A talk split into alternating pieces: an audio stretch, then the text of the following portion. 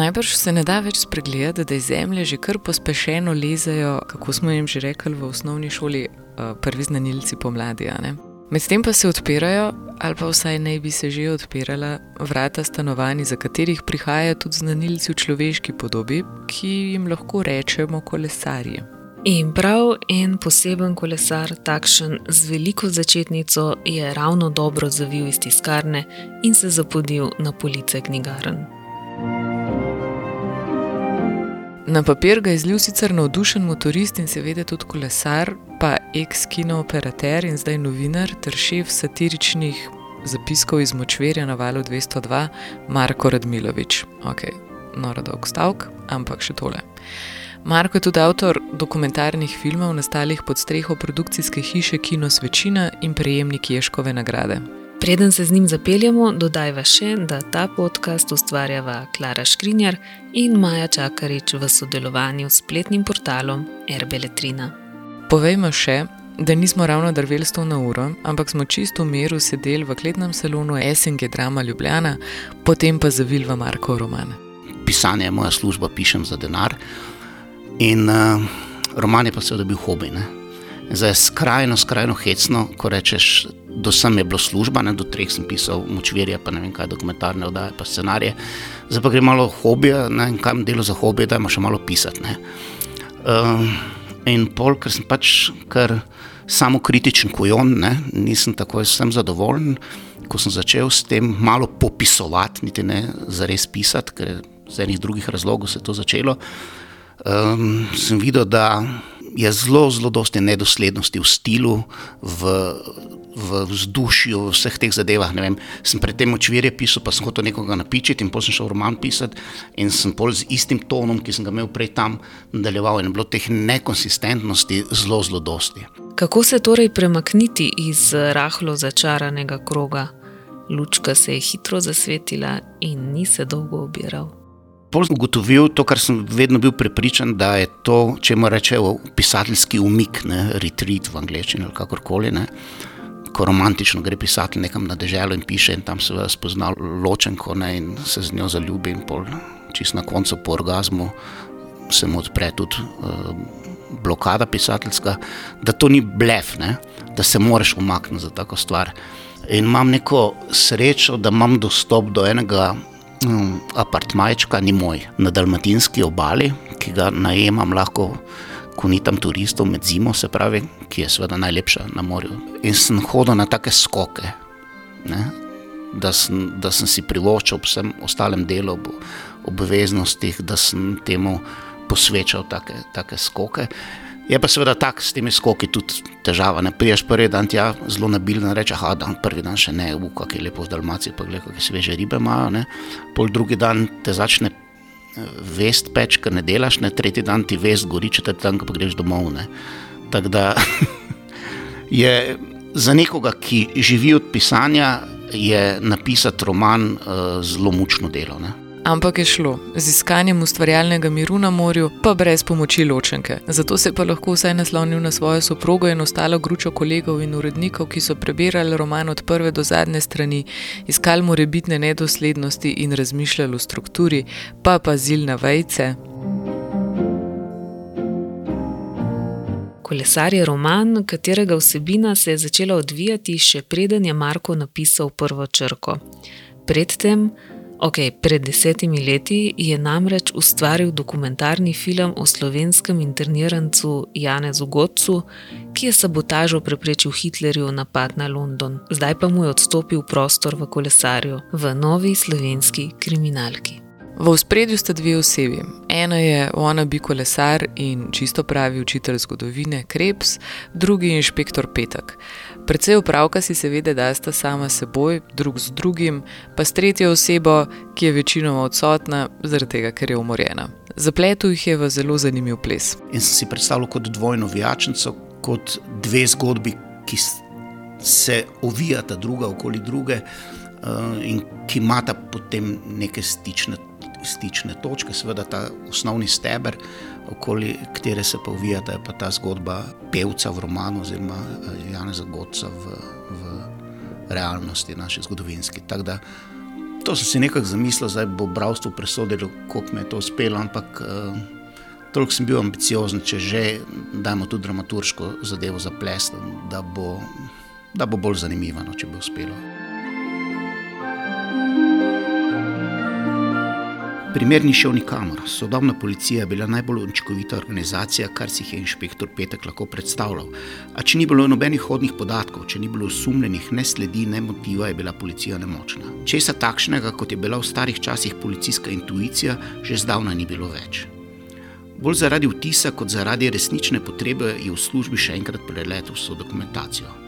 Pogovori z uslužbenci doma za ostarele, pogovori z nekaj varovanci, neskončne strani nekoristnega blebetanja fotografije žrtve v posteli, bližnji posnetek grozljive rane na roki, popolna belina trupla, ki je izgubilo večino svoje krvi. Med soto na vlaku pa je naletel na stavek, ki se mu je zdel nenavaden in ga očitno spregledal. Postal je slabe volje, kajti jasno je bilo, da je šlo za njegovo malomarnost.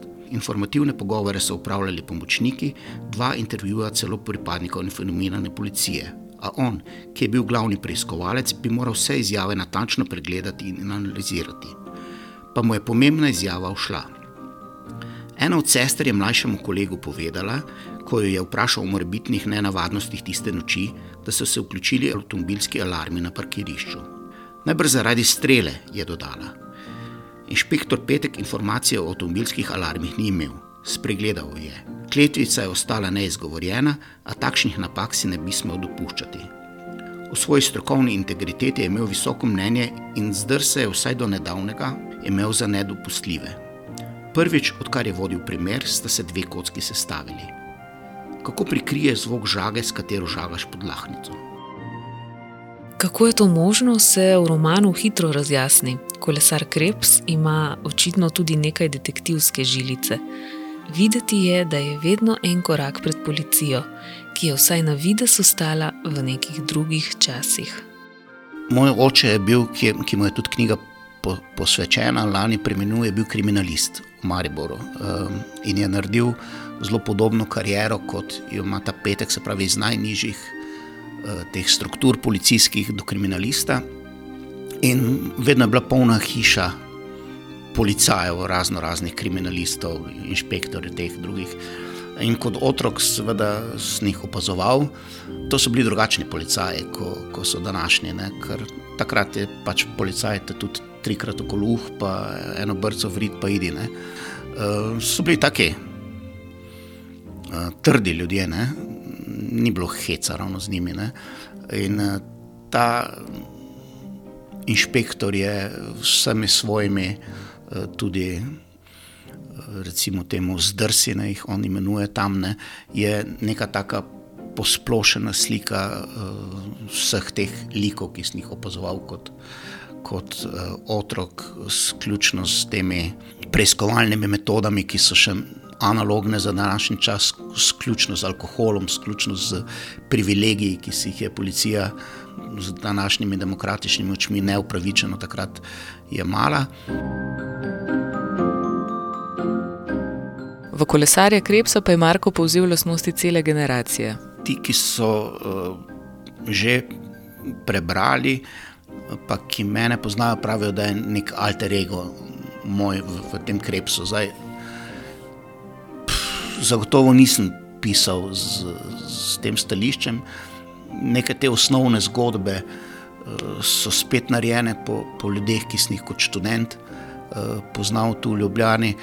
Ta naša generacija, ne moja, pa mogoče uh, tudi kaj vajena. Uh, Neka ta brezizhodna uh, generacija, ki starejši od nas so temu, čemu se reče danes strici iz ozadja, mlajši so seveda zelo spretno izkoristili vse te uh, možnosti, ki jih je tranzicija ponujala. Ne prav ta naša generacija pa nekako ujeta v nekem mehurčku in zelo čudno in gleda, kaj se okoli nje dogaja. Ne? Taka, taka, ta neka brezizhodnost, uh, tudi neka nerodnost, aseksualnost, uh, nesocializiranost, ki jo opazujem pri mnogih, mnogih uh, svojih vrstnikih, se tudi zrcali no, v tem liku.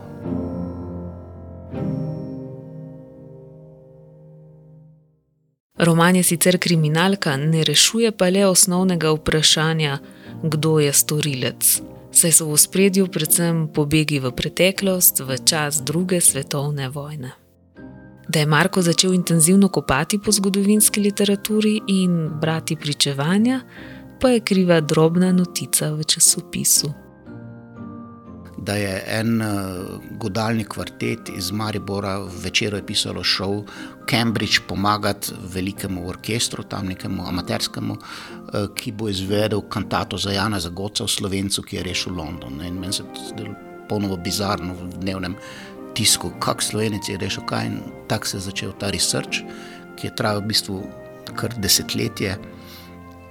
In ko sem to zgodbo pač nekaj prebral, Vse mogoče malo naivno vse skupaj, ampak meni se je zdelo, um, zgodba Jana Zagoca je pač ena izmed teh zgodb, ki v tem slovenskem dualizmu nikamor ne paše. Ne. Mi smo um, ali beli, ali, ali, ali, ali si komunist, ali si belogardist, ali kakorkoli se tam s tem reče. Um, meni je pa bila poanta tega, da so pač ta velika vojna in vse te tragedije, da dopuščajo tudi sivine, ne. da je pač možno, da da niso vsi talci eh, z junaškim srcem eh, šli v smrt pred puško, da je pač bil mogoče tudi kak talec, ki je rekel: Poslušajte, fanti, kaj pa če me ne bi ustrelili danes, a vam kaj pomaga, če jaz povem, da je moj sosed hodi eh, v šumo, pa strelja na, na nemške patrulje, a, a bi bilo to ok. Ne? In seveda je to izdajalec, ne? kljub temu, da je pač ta vodec bil šmizo, bi mu rekli. Ne. Ni bil ravno, ni bil bogveka partizan na začetku, pa tudi izdajalec ni bil bogveka uspešen. Ne. Kljub temu, da je na koncu naredil herojsko dejanje, je uh, zabeležen, ko sem jaz delal ta research, sem vse te borčevske organizacije obiskal in ne vem, kakšne komiteje za, za taborišnike, ne vem, kaj vse, ne, on je bil zaveden, on je izdajalec, konc zgodbe nas ne zanima. Ne. In uh, meni se je zdelo, da je ta film poskušal vsaj pa ta zgodba odpreti malo to človeško stran. Niso bili vsi junaki, pa niso bili vsi zločinci, ne, ampak so bili tudi ne, sivi neki elementi. In ko seveda javnost, ko smo to predvajali, ta film ni, ni reagirala na to, kot rečeno, je to bil motiv, da sem začel se globje ukvarjati s tem. Tako tudi pač Krebs to dela. Ne. Tudi govoril sem s preživelimi, eh, nekaterimi še takrat, danes žal teh eh, ljudi več ni. Govoril sem še z dvema, ki sta pač potrdila, to je bil ta uh, leker, ki ga pač tu drugače imenujem na normandijski obali, zobozdravnik in z enim gospodom iz otoka Korčule. Tako da to so bile priče še, še tega. Marko, zgodovinski vsi romana ni postavil drugo svetovno vojno, da bi odpiral kakšne stare rane, ampak da bi pokazal, da smo ljudje, ne glede na to, kaj si vse sicer mislimo, pripravljeni opustiti svoje načela v zameno za preživetje ali glede na okoliščine zagrabiti kakšno priložnost, ki je morda nedolgo tega sploh še ni bilo na obzorju. Jaz mislim, da je bistven, uh, od, od sem začel uh, resno pisati, je čist na začetku tisti prizor ali pa tisto poglavje ali pa uh, element, ko naučite zgodovino. Ne. Tisto je tudi edini nekak, na nek način aktualno-političen prizor, kjer se v bistvu odnos naše generacije do tematike na nek način zrcali. Ne. Res je, da smo sicer sinovi uh, in hčere svojih očetov in da se to neko generično sovraštvo do, do nasprotne strani prenaša iz roda v rod, ampak načeloma pa do, do te tematike in Krebs je neki mlajši celo kot jaz, nimamo več uh, neke distance. Ne? In, uh, tam, tam v tem poglavju pač on na tej zgodovini služi svoj honorar za plačevanje stanovanja, kar nas v bistvu zanima. No? Vse nas zanimajo krediti za stanovanje, nič drugega vas Ljubljane pa še dosti bolj kot nas na deželi. A Marko je v romanu raje šel v preteklost, kot da bi se prepustil temu, kar ga grize v sedanjosti. Jaz pač pišem te nesrečne zapise iz močvirja, ne? sediš uh, na zofi, gledaš televizijo, se čohaš ne? in vsem okoli, ki te obtužujejo, da ne nareš, trdiš, da ful delaš. Ne? ker zbiraš tako imenovane informacije. Ne? Tako da te dnevne politike imam vrh glave ne? in če mi kdo v tem trenutku eh, reče, da ne rajem več enega močvirja napisati v življenju, v sekundi podpišem. Več to je, to je ljubi kruhek. Ne? Imam te dnevne politike dovolj in sem se zelo trudil, da ne bi neke te svoje kolumnistične uh, navihanosti, tako v roman. No? Poskusil sem, da, da, da, da en Marko Radmilovič piše za Val 202 zapise iz Močvirja, ena druga oseba je pa napisala ta roman. Ne? Eva tudi ta drugi Marko zadržal kar precej navihanosti. Ne na zadnje bralca romana kar nekaj časa vodi za nos. Seveda, valjda, se pa še tako vlečniti iz ozadja. To je čar vsega skupaj, ker koli našega tega pač kreativnega dela, ne, da, da si velik manipulator. Ne, se, to je že Charlie Chaplin pokazal. Zdaj, um, mediji smo na ta način narejeni, ne, manipuliramo in zdaj vedno me razjezi, ko rečejo, da je ali novinarstvo ali to, da mora biti objektivno. Kako objektivno? Ne? Vse nismo roboti, ne? vse smo ljudje, ne? vse je subjektivno. Ne? Vse, kar preberete, napišete, konzumirate, vse je subjektivno. Ne? Marko je postavil piko romanu, se pa od Krepsa še ni mogel povsem posloviti, saj se je odprlo naslednje poglavje na poti romana.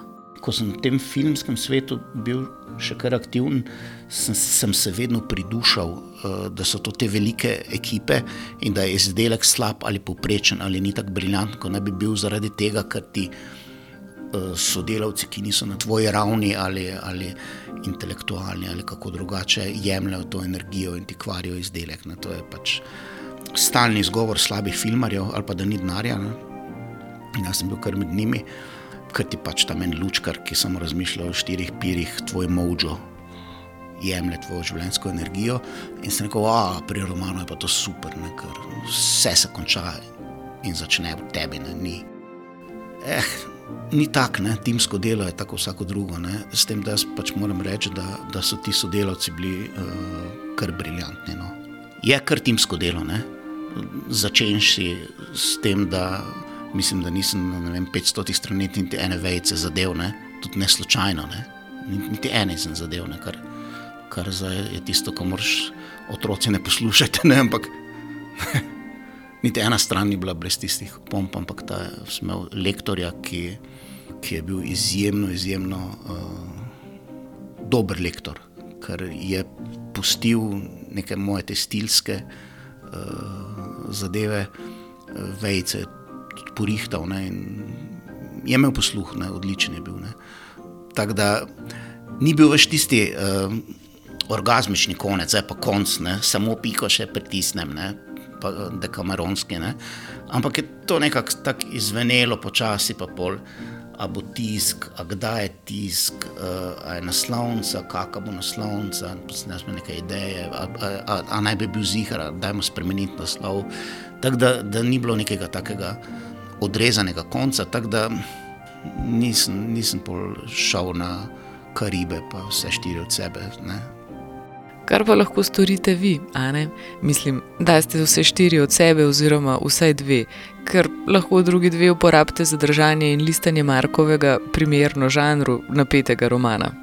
Mi dve pa v rokah že drživa naslednjega, kar pomeni, da se slišimo spet čez dober mesec in naj bo tudi za res, za res, za res dober. Čau, čau. Čau, čau.